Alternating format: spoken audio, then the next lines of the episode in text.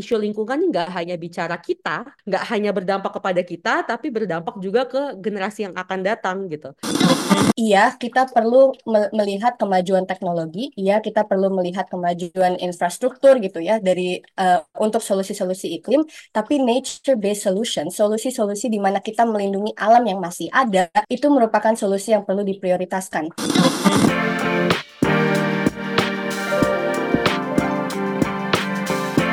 Hai sahabat TCID, kalian sedang mendengarkan podcast Suara Akademia.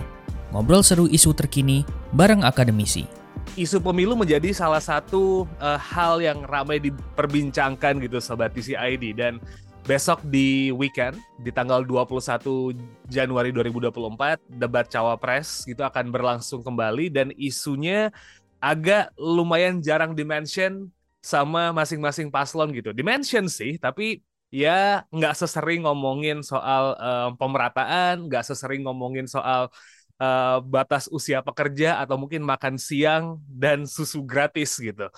Di debat keempat akan membahas tentang uh, isu lingkungan dan di Suara Akademia kali ini kita bakal membahas itu bekerja sama dengan ICEL, Indonesia Center for Environmental Law. Kita bakal ngobrol-ngobrol soal kayak semacam sneak peek debat cawapres keempat ini tentang isu lingkungan gitu. Isu yang memang uh, harusnya kita concern karena Indonesia kan negara kepulauan, banyak sekali isu-isu lingkungan dan ya, yeah, we're gonna talk about it. Pada kali ini kita bakal ngobrol bareng sama dua orang. Ada Mbak Grita Anin Darini dari ICEL, Indonesian Center for Environmental Law. Halo, kabar Mbak? Halo, baik. Semoga semuanya juga sehat. Oke, okay, nice to know it. Amin, amin, amin.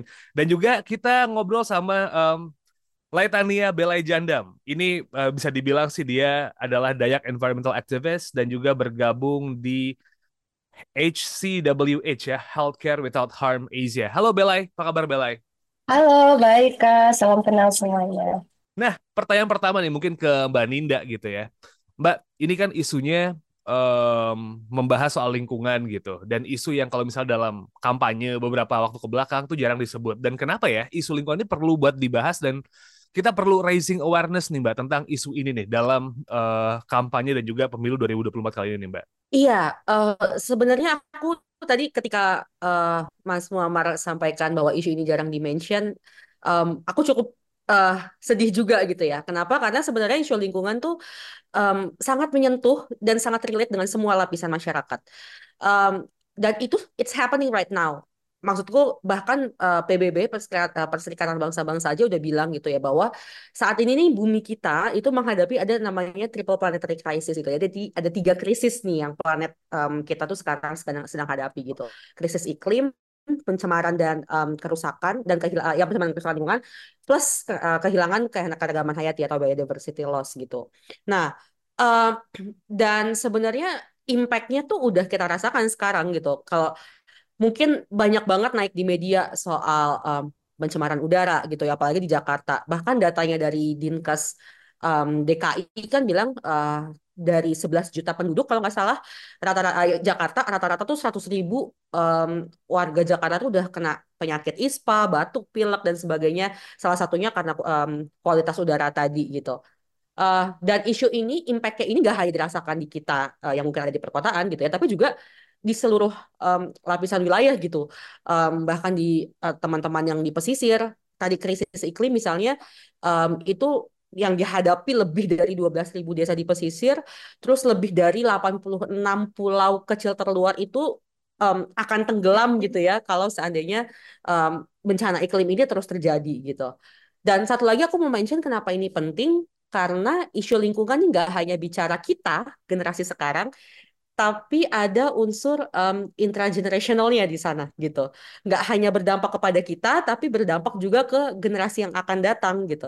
Dan itu udah diprediksi gitu. Jadi kalau nggak ada langkah konkret dari sekarang, generasi yang hidup di tahun 2050 nih, dia akan terancam krisis pangan, um, kenaikan air laut gitu, atau penyakit-penyakit vektor lainnya gitu ya.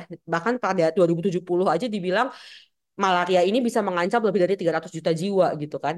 Jadi kita ini tidak hanya ingin mendengar visi misi para paslon lima tahun ini gitu ya, tapi bagaimana visi misi besar para paslon gitu ya, um, apa namanya untuk masa depan kita yang akan datang gitu. Jadi bagaimana visi misi mereka sekarang ini sangat berdampak eh, terhadap generasi-generasi yang akan datang dan untuk kehidupan kita yang lebih panjang. So basically ini sebenarnya bukan isu um, apa ya, bukan isu yang pendek buat dilihat aja gitu ya Mbak Ninda ya, tapi emang ini bakal berdampak jangka panjang dan Iya. menuju Indonesia emas yang sering disebut ini harus jadi Uh-uh. uh, concern yang benar-benar diperhatiin ya. Betul, betul. Oke. Jadi yang aku mau highlight, jadi pokoknya em, kita ingin mendengar sebenarnya visi misinya ini nggak hanya lima tahun ini, tapi gimana visi misi untuk Hmm. Indonesia jangka panjang. Yang salah satunya paling penting yang kita eh, yang harus kita perhatikan adalah isu lingkungan hidup. I see. Um, kita move ke Belai dulu nih. Uh, Belai, kalau misalnya ngelihat uh, pergerakan kamu gitu ya, da- ketika melihat masyarakat ada, terus juga uh, mungkin memperhatikan krisis iklim dan juga pengalaman ketemu sama teman-teman yang lain yang juga um, peduli sama isu lingkungan di Indonesia gitu, especially. Uh, kamu lihatnya gimana nih kondisi lingkungan Indonesia sekarang dan juga penanganan yang udah dilakukan sama pemerintah saat ini Belai? Um, mungkin aku bagi dua kali ya tanggapannya. Yang pertama, secara keseluruhan itu bagaimana sih aku melihat gerakan iklim saat ini dan kemudian secara spesifik di Indonesia kemajuan-kemajuan apa yang sudah terjadi. Kalau secara keseluruhan, uh, sepertinya kita semua tahu bahwa apa yang kita lakukan saat ini untuk iklim itu masih sangat kurang dari apa yang kita butuhkan. Uh, beberapa hal yang bisa dilihat adalah dari segi emisi. Kita tahu bahwa di tahun-tahun terakhir ini we're hitting record high emissions um, di seluruh dunia gitu ya dan kita tahu bahwa emisi-emisi tersebut adalah yang um, akhirnya mengakibatkan dampak-dampak dari krisis iklim yang kita rasakan saat ini. Yang kedua adalah dari persebaran dan intensitas dari dampak yang kita rasakan. Uh, contohnya misalnya uh, untuk Healthcare Without Harm Southeast Asia, kantorku kebetulan uh, base-nya itu di Filipina. Dan Filipina merupakan salah satu negara yang paling uh, rentan terhadap dampak-dampak dari krisis iklim.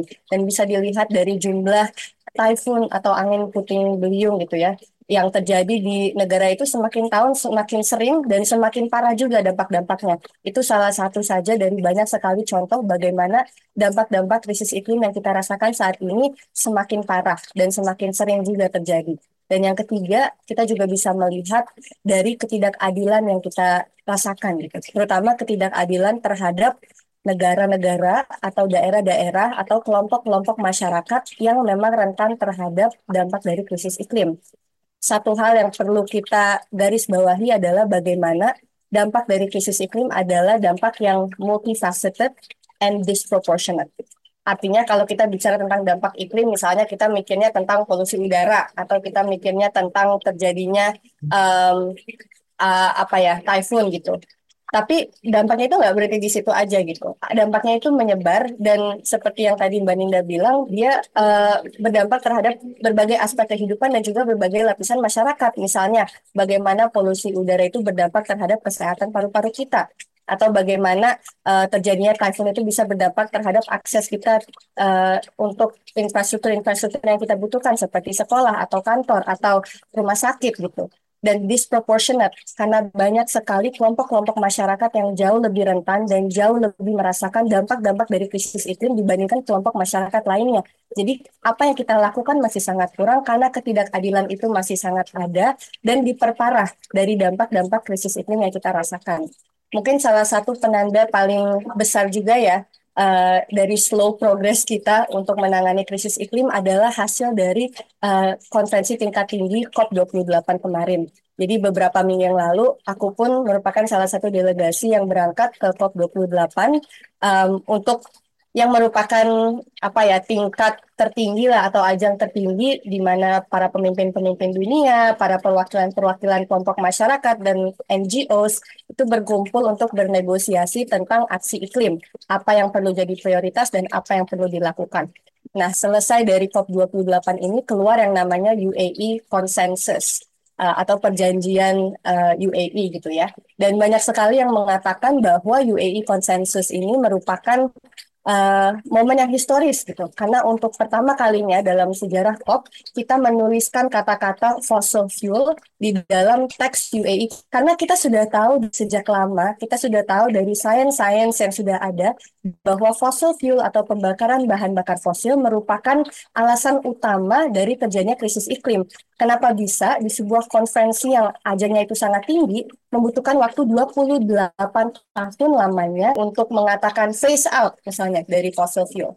Jadi memang itu sebuah kemajuan, tetapi kemajuan yang terlambat datangnya. Gitu. Secara keseluruhan menurut aku apa yang kita lakukan untuk iklim ini masih sangat kurang.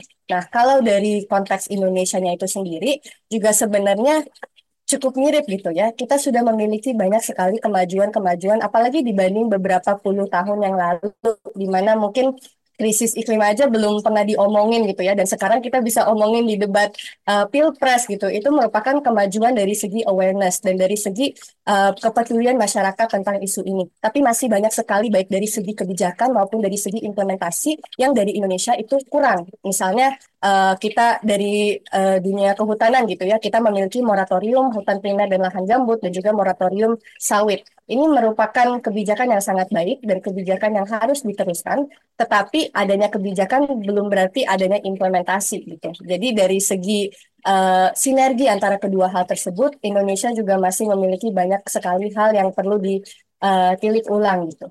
Uh, dan mungkin setelah ini kita juga bisa bahas tentang apa saja sih prioritas-prioritas yang um, perlu kita lihat dalam beberapa tahun ke depan. Dan seperti yang Mbak Ninda bilang, bukan hanya lima tahun ke depan, tapi juga untuk generasi-generasi berikutnya yang akan merasakan dampak dari inaction kita pada saat ini. Um, based on your experience nih ya Bella ya gitu, uh, ngelihat di um, COP28, terus juga uh, tadi juga sempat ngomong soal uh, kebijakannya udah oke, okay, implementasinya mungkin perlu diperbaiki gitu.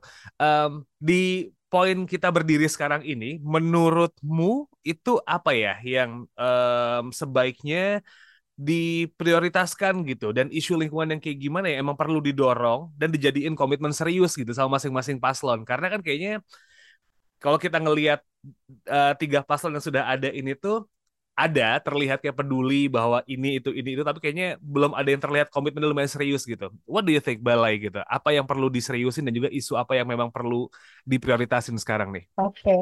Sebenarnya banyak ya, uh, karena tadi Mbak Nina juga bilang uh, isu iklim ini ke mana-mana gitu, jadi sebenarnya uh, sulit so. untuk bisa milih gitu ya satu atau dua. Tapi mungkin yang akan aku share bukan necessarily isu, tapi prinsip yang masih aku cari di ketiga paslon dan juga uh, nanti kabinet yang akan terpilih ketika mereka uh, sudah elected prinsip-prinsip apa saja yang kita butuhkan untuk memastikan bahwa aksi iklim di lima tahun ke depan dan seterusnya itu cukup untuk menangani uh, krisis iklim yang kita hadapi. Yang pertama adalah nature-based and community-based solutions. Um, nature-based yang dimaksud di sini adalah solusi-solusi iklim yang uh, alami gitu ya atau berbasis alam. Dalam artian iya kita perlu melihat kemajuan teknologi, iya kita perlu melihat kemajuan infrastruktur gitu ya dari uh, untuk solusi-solusi iklim, tapi nature based solution, solusi-solusi di mana kita melindungi alam yang masih ada, alam yang membantu untuk meregulasi iklim yang yang apa sedang tidak stabil ini itu merupakan solusi yang perlu diprioritaskan. Dan specifically untuk Indonesia yang merupakan negara dengan luasan hutan hujan tropis terbesar ketiga di dunia kita perlu melihat komitmen dan keseriusan untuk melindungi hutan-hutan Indonesia yang masih ada. Jangan dulu kita bicarakan tentang reforestasi misalnya kalau kita nggak punya komitmen untuk melindungi hutan yang masih berdiri gitu. Jangan sampai kita compromise dan um, apa ya sacrifice hutan-hutan kita yang masih ada demi solusi yang mungkin belum tentu terjadi gitu. Jadi menurut aku itu menjadi prioritas utama nature based solution, melindungi hutan gambut, melindungi ekosistem pesisir, melindungi hutan-hutan itu perlu menjadi prioritas dan keseriusan komitmen dari pemerintah kita saat ini. Dan berkaitan dengan nature based adalah community based. Kenapa? Karena alam-alam yang alam-alam yang masih ada, alam-alam yang memiliki uh, peran krusial gitu ya dalam melindungi uh, iklim kita itu kebanyakan dikelola oleh masyarakat adat ataupun masyarakat lokal yang ada di sana. Kayak misalnya hutan-hutan uh, di Kalimantan di mana saya berasal dari Kalimantan dan banyak sekali hutan primer yang masih dijaga oleh masyarakat adat Dayak yang ada di sana gitu. Atau uh, di di banyak sekali tempat lain lah kita bisa melihat bagaimana alam itu ber apa ya ber masyarakat lokal dan masyarakat adat itu adalah yang directly interacting dengan alam di sekitarnya. Maka mereka harus dilihat sebagai stakeholder uh, utama gitu. Stakeholder utama yang perlu digandeng yang perlu uh, kita bermitra bersama dengan mereka untuk bisa melindungi alam yang ada di sana. Jadi jangan sampai kebijakan yang kita lihat terkait nature based solution itu top down dan tidak melibatkan masyarakat-masyarakat yang ada di sana. Itu yang pertama prinsip nature based and community based solutions. Yang kedua menurutku yang juga sama pentingnya adalah prinsip intersektoral. Tadi kan sudah dibahas ya bagaimana um, apa faktor yang akhirnya mengakibatkan krisis iklim dan juga dampak dari krisis iklim itu sendiri berasal dari berbagai macam sektor dan berdampak kepada berbagai macam sektor. Maka sudah saatnya kita tidak lagi bekerja dalam cara yang sangat siloed atau cara yang sangat terkompartmentalisasi, compartmentalized. Uh, dalam artian gimana nih kita bisa di lima tahun dan tahun-tahun berikutnya ke depan kita melihat sinergi dan uh, alignment dan juga kolaborasi antara berbagai macam ministers. Misalnya dari aku pribadi, aku bekerja di iklim eh di uh, sektor iklim dan juga kesehatan. Nah, aku ingin melihat lebih banyak kolaborasi misalnya antara KLHK dengan Kemenkes karena kita sudah waktunya uh, tidak bekerja dalam sektor-sektor masing-masing tetapi secara sinergi gitu. Um, kemudian Prinsip ketiga adalah intergenerational. Tadi juga sudah disebut oleh Mbak Ninda, aku termasuk Gen Z gitu ya, salah satu generasi muda yang sudah mengalami dampak-dampak dari krisis iklim yang tidak disproportionate dibandingkan misalnya eh, generasi-generasi uh, sebelum aku. Nah, kalau misalnya kita merupakan kelompok masyarakat yang akan paling terdampak dari krisis iklim, kita juga harus menjadi stakeholder. Kita juga harus menjadi bagian dari solusi-solusi dan kita harus didengarkan oleh pemerintah yang akan membuat kebijakan yang akan paling berdampak kepada masa depan kita gitu. Jadi nggak bisa lagi ada pembuatan kebijakan tanpa involvement dari pemuda. Dan yang aku maksud dari involvement atau pelibatan ini bukan cuma pelibatan yang ibaratnya youth washing gitu ya. Pelibatan yang hanya untuk kamera atau untuk press release atau di depan banyak orang, tapi pelibatan yang dari berbagai macam level dan pelibatan yang benar-benar serius. Kalau nggak ada orang yang nonton, kalau nggak ada kamera yang foto-foto, apakah pemerintah masih melibatkan anak muda dalam pembuatan solusi iklim? Itu yang perlu menjadi uh, perhatian gitu ya, terutama buat eh, teman-teman uh, yang nanti akan akan menonton uh, debat pilpres di uh, akhir minggu ini. Dan of course, semua yang tiga poin ini, nature-based and community-based solutions, intersectoral solutions, dan intergenerational solutions, harus dilandasi oleh prinsip keadilan iklim kita harus memahami bahwa dampak iklim itu sangat berbeda-beda rasanya di berbagai region, di berbagai kelompok masyarakat, dan apa pun solusi yang kita kedepankan itu harus memprioritaskan keadilan iklim untuk semua. Oke, okay. keterlibatan semua nature based, uh, intersectional, that's the most important thing ya Bella ya, karena uh, kalau misalnya satu dilepas gitu, kayaknya nggak bakal jalan dengan uh, baik gitu, right?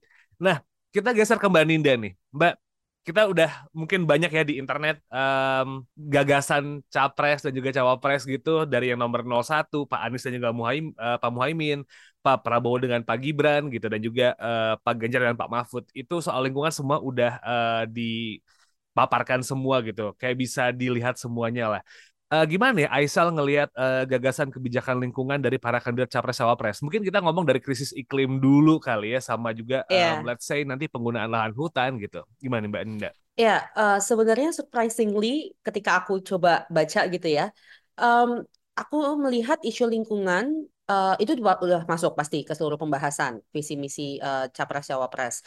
Kemudian yang menarik adalah beberapa paslon itu udah menggunakan terminologi krisis iklim sebenarnya. Jadi uh, sepertinya udah melihat memang uh, isu ini itu sebagai satu tantangan yang uh, serius gitu ya um, dan uh, apa namanya dan perlu untuk diadres gitu uh, secara spesifik sebenarnya. Nah tapi, nah aku jadi akhirnya melanjutkan dari yang uh, Belai katakan gitu ya. Uh, sudah kalau kita lihat sudah ada sebenarnya uh, spesifik uh, topik yang mereka angkat um, dalam visi misi mereka soal perubahan iklim, krisis iklim, lingkungan gitu ya. Uh, tapi yang ingin aku lihat sebenarnya adalah soal uh, langkah konkretnya, uh, termasuk misalnya seperti time frame, how to-nya gitu ya, how to untuk mencapai itu gitu ya. Uh, aku ambil contoh gini misalnya, menarik ketika hampir semua paslon sepertinya sudah bicara soal uh, atau sudah mengangkat program untuk pensiunkan PLTU, power plant gitu ya.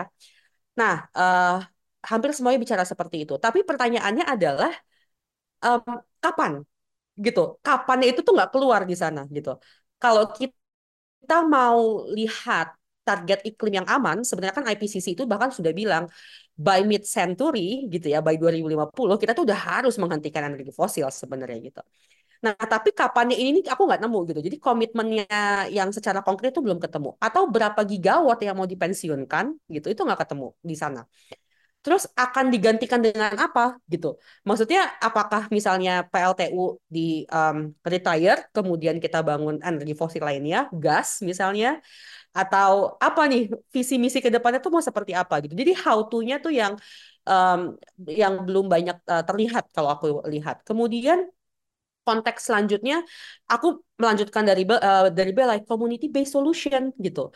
Jadi kalau kita lihat memang banyak eh, konflik-konflik uh, sekarang konf tidak hanya lingkungan ya masalah uh, kerusakan lingkungan tapi konflik dengan masyarakat itu mostly karena proyek-proyek uh, skala besar gitu ya proyek-proyek skala besar yang dia uh, bisa juga masuk proyek strategis nasional uh, mostly gitu uh, yang sebenarnya itu banyak tidak hanya uh, ber, uh, apa namanya tidak hanya berdampak terhadap perusahaan lingkungan tapi juga uh, saya yakin Komnas HAM juga sudah banyak uh, meng, uh, apa uh, banyak mendapatkan pengaduan terkait dengan hal ini uh, pelanggaran HAM di sana karena ada uh, karena uh, penyel, apa penyelenggaraan proyek-proyek skala besar.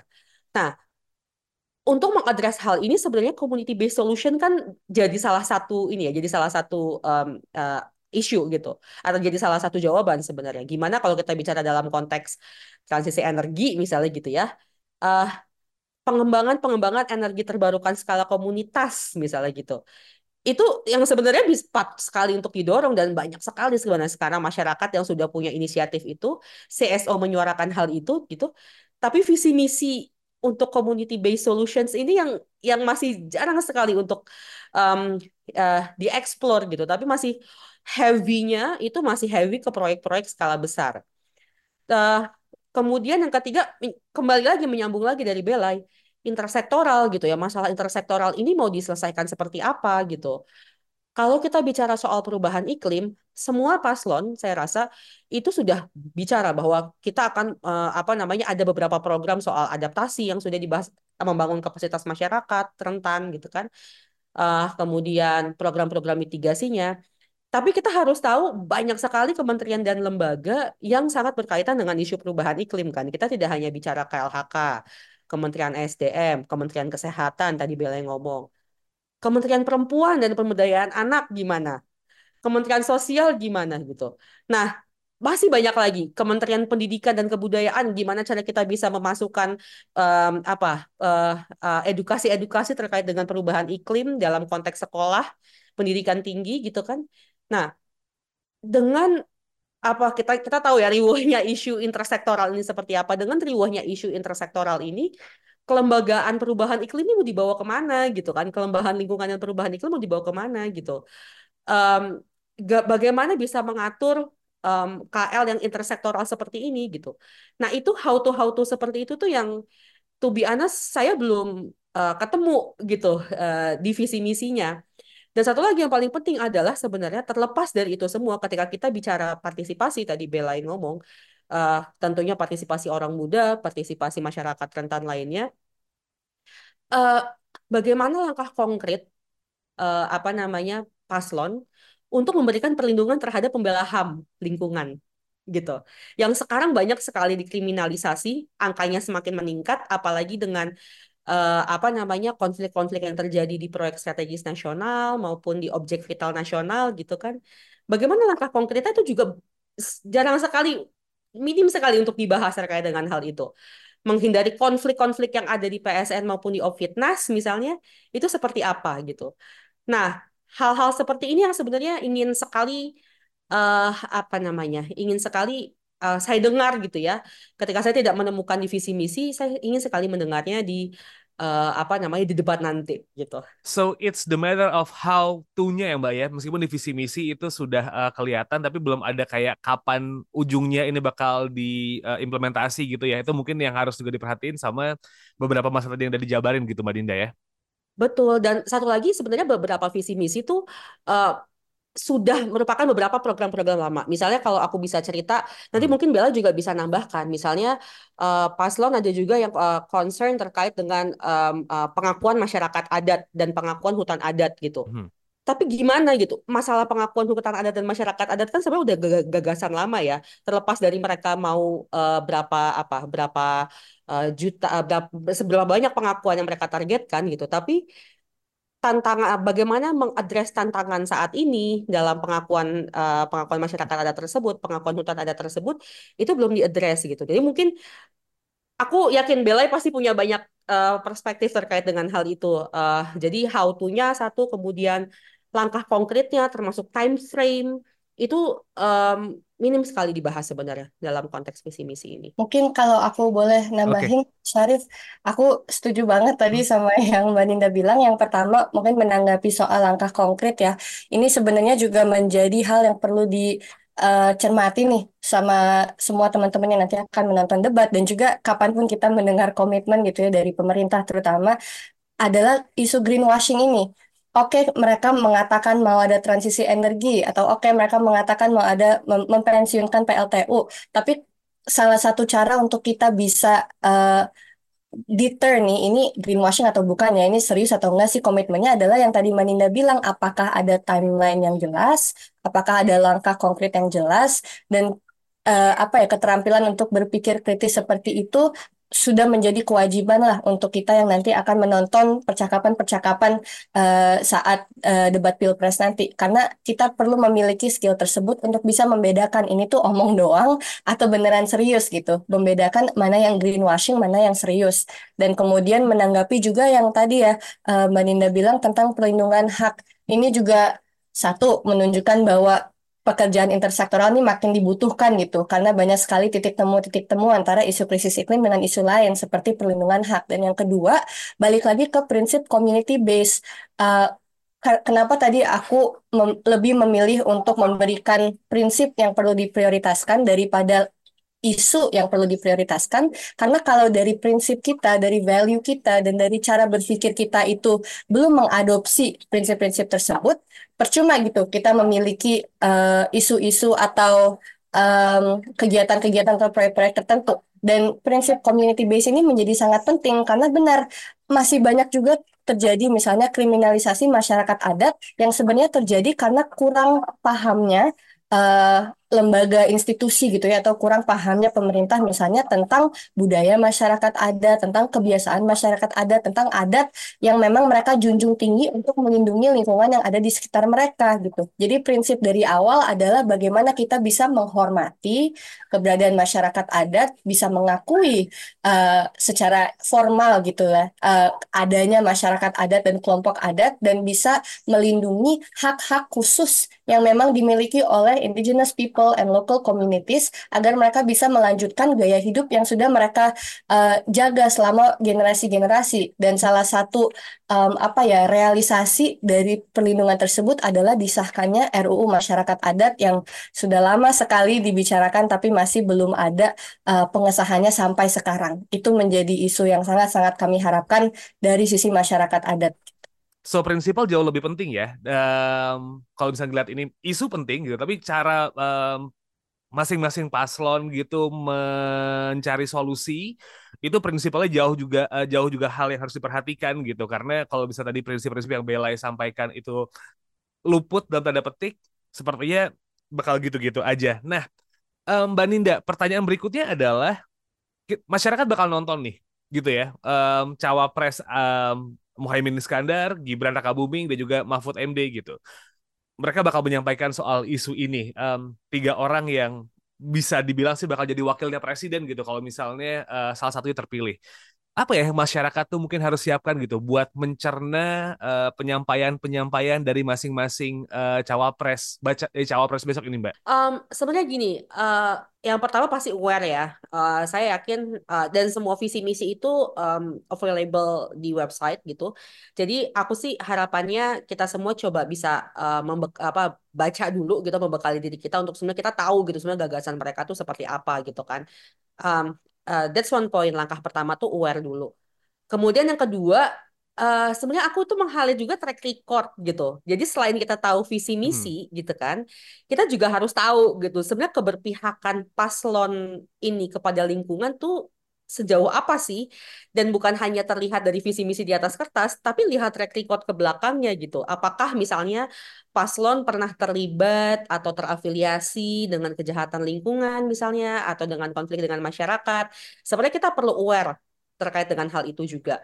Nah, tapi ini uh, selain uh, meskipun kita ngomong dengan masyarakat ya, uh, ini juga harapanku untuk KPU sebenarnya, uh, karena kan nanti akan ada panelis ya, uh, panelis-panelis debat gitu ya uh, harapannya sebenarnya untuk KPU dalam memilih panelis-panelis debat ini selain pastinya yang dipilih kan panelis yang berkompetensi, punya kepedulian terhadap isu lingkungan dan sebagainya, tapi rekam jejak panelis ini uh, harapannya itu adalah mereka yang tidak memiliki afiliasi dengan kejahatan lingkungan, baik itu baik uh, sebagai pelaku, ahli yang membela pem, uh, pembela hukum, pakar dan lain sebagainya gitu. Dan juga tadi membuka uh, ruang gitu ya bagi perwakilan um, kelompok terdampak perempuan orang muda gitu ya yang paling banyak terdampak dari masalah lingkungan dan perubahan iklim untuk duduk sebagai panelis juga salah satu dan sebagainya gitu jadi uh, perlu untuk melihat uh, eh, KP, selain masyarakat KPU juga perlu untuk betul-betul memperhatikan um, empat hal ini setidaknya gitu ya dalam proses uh, pemilihan panelis gitu jadi jadi kedua track record kalau dari aku yang ketiga sebenarnya uh, keep up sama isu-isu yang ada saat ini gitu. Uh, kenapa uh, ya bisa juga ngelihat dari uh, banyak sekarang kan organisasi yang uh, atau ya organisasi uh, perkumpulan yang kemudian dia banyak kasih-kasih informasi soal lingkungan perubahan iklim untuk apa gitu ya? Untuk kita bisa fact checking gitu ya. Fact checking melihat kevalitan kebenaran data kebenaran argumen yang diberikan oleh paslon pada saat debat gitu. Nah, itu juga menjadi sangat penting buat kita. Dan satu lagi sebenarnya uh, satu hal yang aku agak highlight juga di debat keempat yang sebenarnya aku patut sayangkan isu perubahan iklim atau isu krisis iklim itu tuh bukan jadi satu topik utama. Jadi kalau kita tahu debat keempat hmm. itu kan lingkungan sumber daya alam, transisi energi, apalagi aku agak lupa masyarakat adat masuk ya Belai. Aku agak lupa uh, pembangunan berkelanjutan. Nah, Uh, tapi isu perubahan iklim ini nggak jadi isu sentral gitu. Jadi harapannya sebenarnya meskipun ini tidak menjadi isu sentral, harapannya ini tuh isu perubahan iklim tuh nggak jadi isu kedua, nggak jadi second issue gitu. Yeah. Ya. Um, jadi kepada panelis yang terpilih, uh, harapannya bisa mengeksplor lebih banyak terkait dengan hal ini. Paslon juga kita ingin mendengar karena isu krisis iklim tadi kan masuk jadi salah satu triple planetary crisis yang ada di yang PBB sudah sampaikan gitu dan masyarakat juga perlu untuk uh, oversee gitu perlu untuk melihat bagaimana sih uh, apa namanya gagasan apa gagasan paslon ini utamanya juga terkait dengan bagaimana merespon krisis iklim. Karena isu ini sekali lagi aku balik lagi ke um, yang aku bicarakan di awal. Kita bicara krisis iklim kita nggak bicara lima tahun ini gitu. Kita bicara -hmm. berapa berapa puluh tahun ke depan yang impactnya atau yang potensial impactnya itu udah kelihatan dan udah ter ter apa namanya ter um, terprediksi dari sekarang. Jadi jangan hmm. sampai program-program yang uh, paslon sampaikan itu justru uh, solusi palsu misalnya atau mal uh, atau yang maladaptasi gitu loh. Um, itu sih yang perlu untuk kita highlight. Oke, jadi mungkin um, kalau aku coba uh, nangkep gitu ya karena memang ada sumber daya alam jadi fokusnya nggak cuma soal pemanfaatan sumber daya alam dan gimana cara yang ngejual yang bayar tapi lebih ke what's the impact gitu kalau misalnya memang mau meng, uh, memanfaatkan sumber daya alam dan juga krisis iklim dampaknya gimana karena kayaknya kalau kita ngelihat diskusi di luaran sana itu lebih ke fokus nih SDA kita banyak nih gimana caranya kita mandiri yeah. mengelolanya gitu lebih banyak ribut di yeah. situ gitu kan iya yeah. plus how to conserve sebenarnya masalah konservasi itu banyak banget yang luput dibicarakan. Di visi misi tadi aku juga mungkin belum ngomong. Masalah konservasi itu hampir banyak yang nggak sentuh. Gitu. Jadi um, Oke. ya itu. Jadi kita tidak hanya bicara soal pemanfaatan utilization terus menerus gitu. Banyak sekali apa ya banyak sekali um, angle yang bisa betul-betul kita bicarakan um, dalam debat-debat besok gitu Menarik, menarik. Kalau misalnya memang harus mau ngelihat. Nah, uh, Belai mungkin um, pertanyaannya adalah dengan aktivitas yang Belai lakukan dari uh, beberapa dari sebelum-sebelumnya gitu kan, uh, mencoba untuk mengawal, habis itu juga mengobserve, uh, ngelihat hal-hal yang terjadi di sekitaran gitu. Uh, mungkin gimana ya peran anak muda nih menurut Belai dalam mengawal isu-isu lingkungan dan juga nagih nih janji-janji um, capres dan cawapres yang nantinya terpilih gitu, supaya kita bisa mastiin kalau program yang uh, mereka ajuin nantinya bukan cuman gimmick atau mungkin uh, program yang dilakuin cuman buat poster gitu kayak udah difoto gitu kan terlihat melakukan aksi habis itu dah lewat gitu kalau udah difoto nggak lanjut lagi gimana Bella buat ngawalnya nih Oke, okay. um, kalau nomor satu sih sama ya kayak Mbak Ninda, kita harus mengedukasi diri kita sendiri terlebih dahulu. Kita harus membangun kapasitas kita sendiri uh, untuk memahami isu lingkungan saat ini yang sangat besar, isu lingkungan yang sangat besar dan sangat kompleks gitu ya. Dan juga uh, mempelajari apa aja sih komitmen-komitmen dan janji-janji yang dibuat oleh uh, capres dan cawapres yang saat ini dan yang terpilih nantinya gitu. Karena kalau kita belum tahu dan belum paham tentang komitmen yang dibuat, bagaimana kita bisa hold them accountable.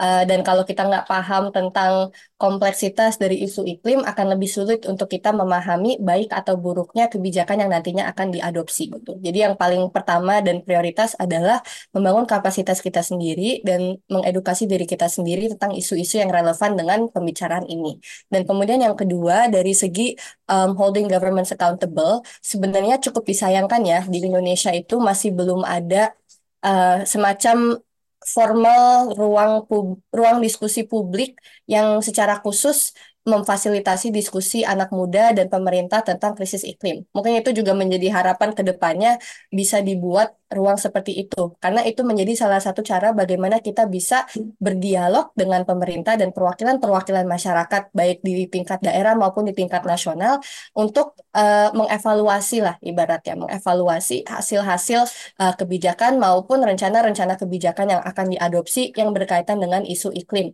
Tapi di luar ruang diskusi formal tersebut, kita sebagai anak juga eh, anak muda juga bisa menyuarakan gitu concern-concern kita, misalnya melewati sosial media. Zaman sekarang kan kayaknya mudah ya untuk memviralkan gitu isu. Nah, gimana misalnya kita memviralkan um, isu RUU masyarakat adat misalnya gitu, agar itu bisa menangkap perhatian dari pemerintah-pemerintah atau perwakilan dari capres dan cawapres yang akan terpilih nantinya. Kalau enggak, kita juga bisa mengikuti rally atau strike gitu ya, uh, semacam apa ya demonstrasi gitu, um, untuk kita menunjukkan bahwa ada masa yang sangat besar loh yang peduli tentang isu climate change misalnya, ada masa yang sangat besar loh yang uh, rela untuk jalan jauh nih lama panas-panas kena polusi. Misalnya demi uh, menyuarakan isu-isu yang menurut kita penting bukan hanya untuk generasi saat ini tapi juga untuk generasi mendatang. Itu mungkin uh, beberapa cara untuk kita bisa hold government accountable. Tapi yang menurutku paling penting saat ini juga yang sangat timely adalah untuk uh, sesuai kampanye ISIL nih voting for the environment gitu. Uh, kita uh, generasi milenial dan generasi Z merupakan mayoritas dari pemilih dalam pemilu 2024 nanti. Artinya kita memiliki uh, kewajiban dan juga power gitu ya, kekuatan untuk memilih yang terbaik untuk lingkungan dan alam yang ada di Indonesia dan tentunya untuk di seluruh dunia gitu. Jadi jangan sampai kita menyia-nyiakan our voting power, jangan sampai kita lupa untuk uh, melihat elektabilitas uh, capres dan cawapres ini melalui lensa uh, lingkungan gitu atau lensa krisis iklim atau lensa isu lingkungan. Jadi uh, anggaplah serius gitu role kita atau peran kita dalam pemilu tahun ini karena kita memiliki kesempatan untuk benar-benar uh, voting for the environment.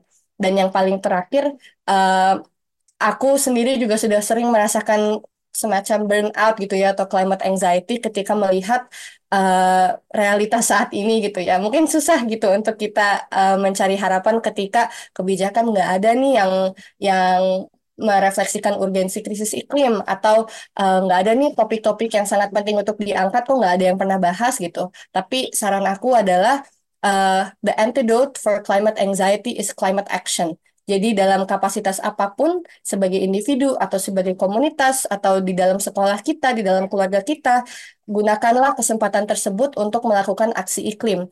Dan no matter how small gitu, dari yang kecil sampai yang besar, dari mulai memilah sampah atau mengadvokasikan isu ini di KTT-KTT besar gitu, kita memiliki tanggung jawab juga sebagai individu um, untuk melakukan aksi iklim yang bisa kita lakukan uh, sebagai apa ya sumber harapan untuk generasi kita dan generasi yang akan mendatang. Um, buat apa ya kita nutup obrolan kali ini. Maybe um, Mbak Ninda ada yang pengen disampaikan lagi kan Mbak uh, karena isu ini juga isu yang lumayan penting. Sebenarnya uh, isu yang harusnya dijadiin uh, salah satu hal yang diperhatiin sangat serius gitu karena ini tempat kita tinggal dan juga dampaknya lumayan panjang. Maybe ada yang sampai lagi nih Mbak Ninda.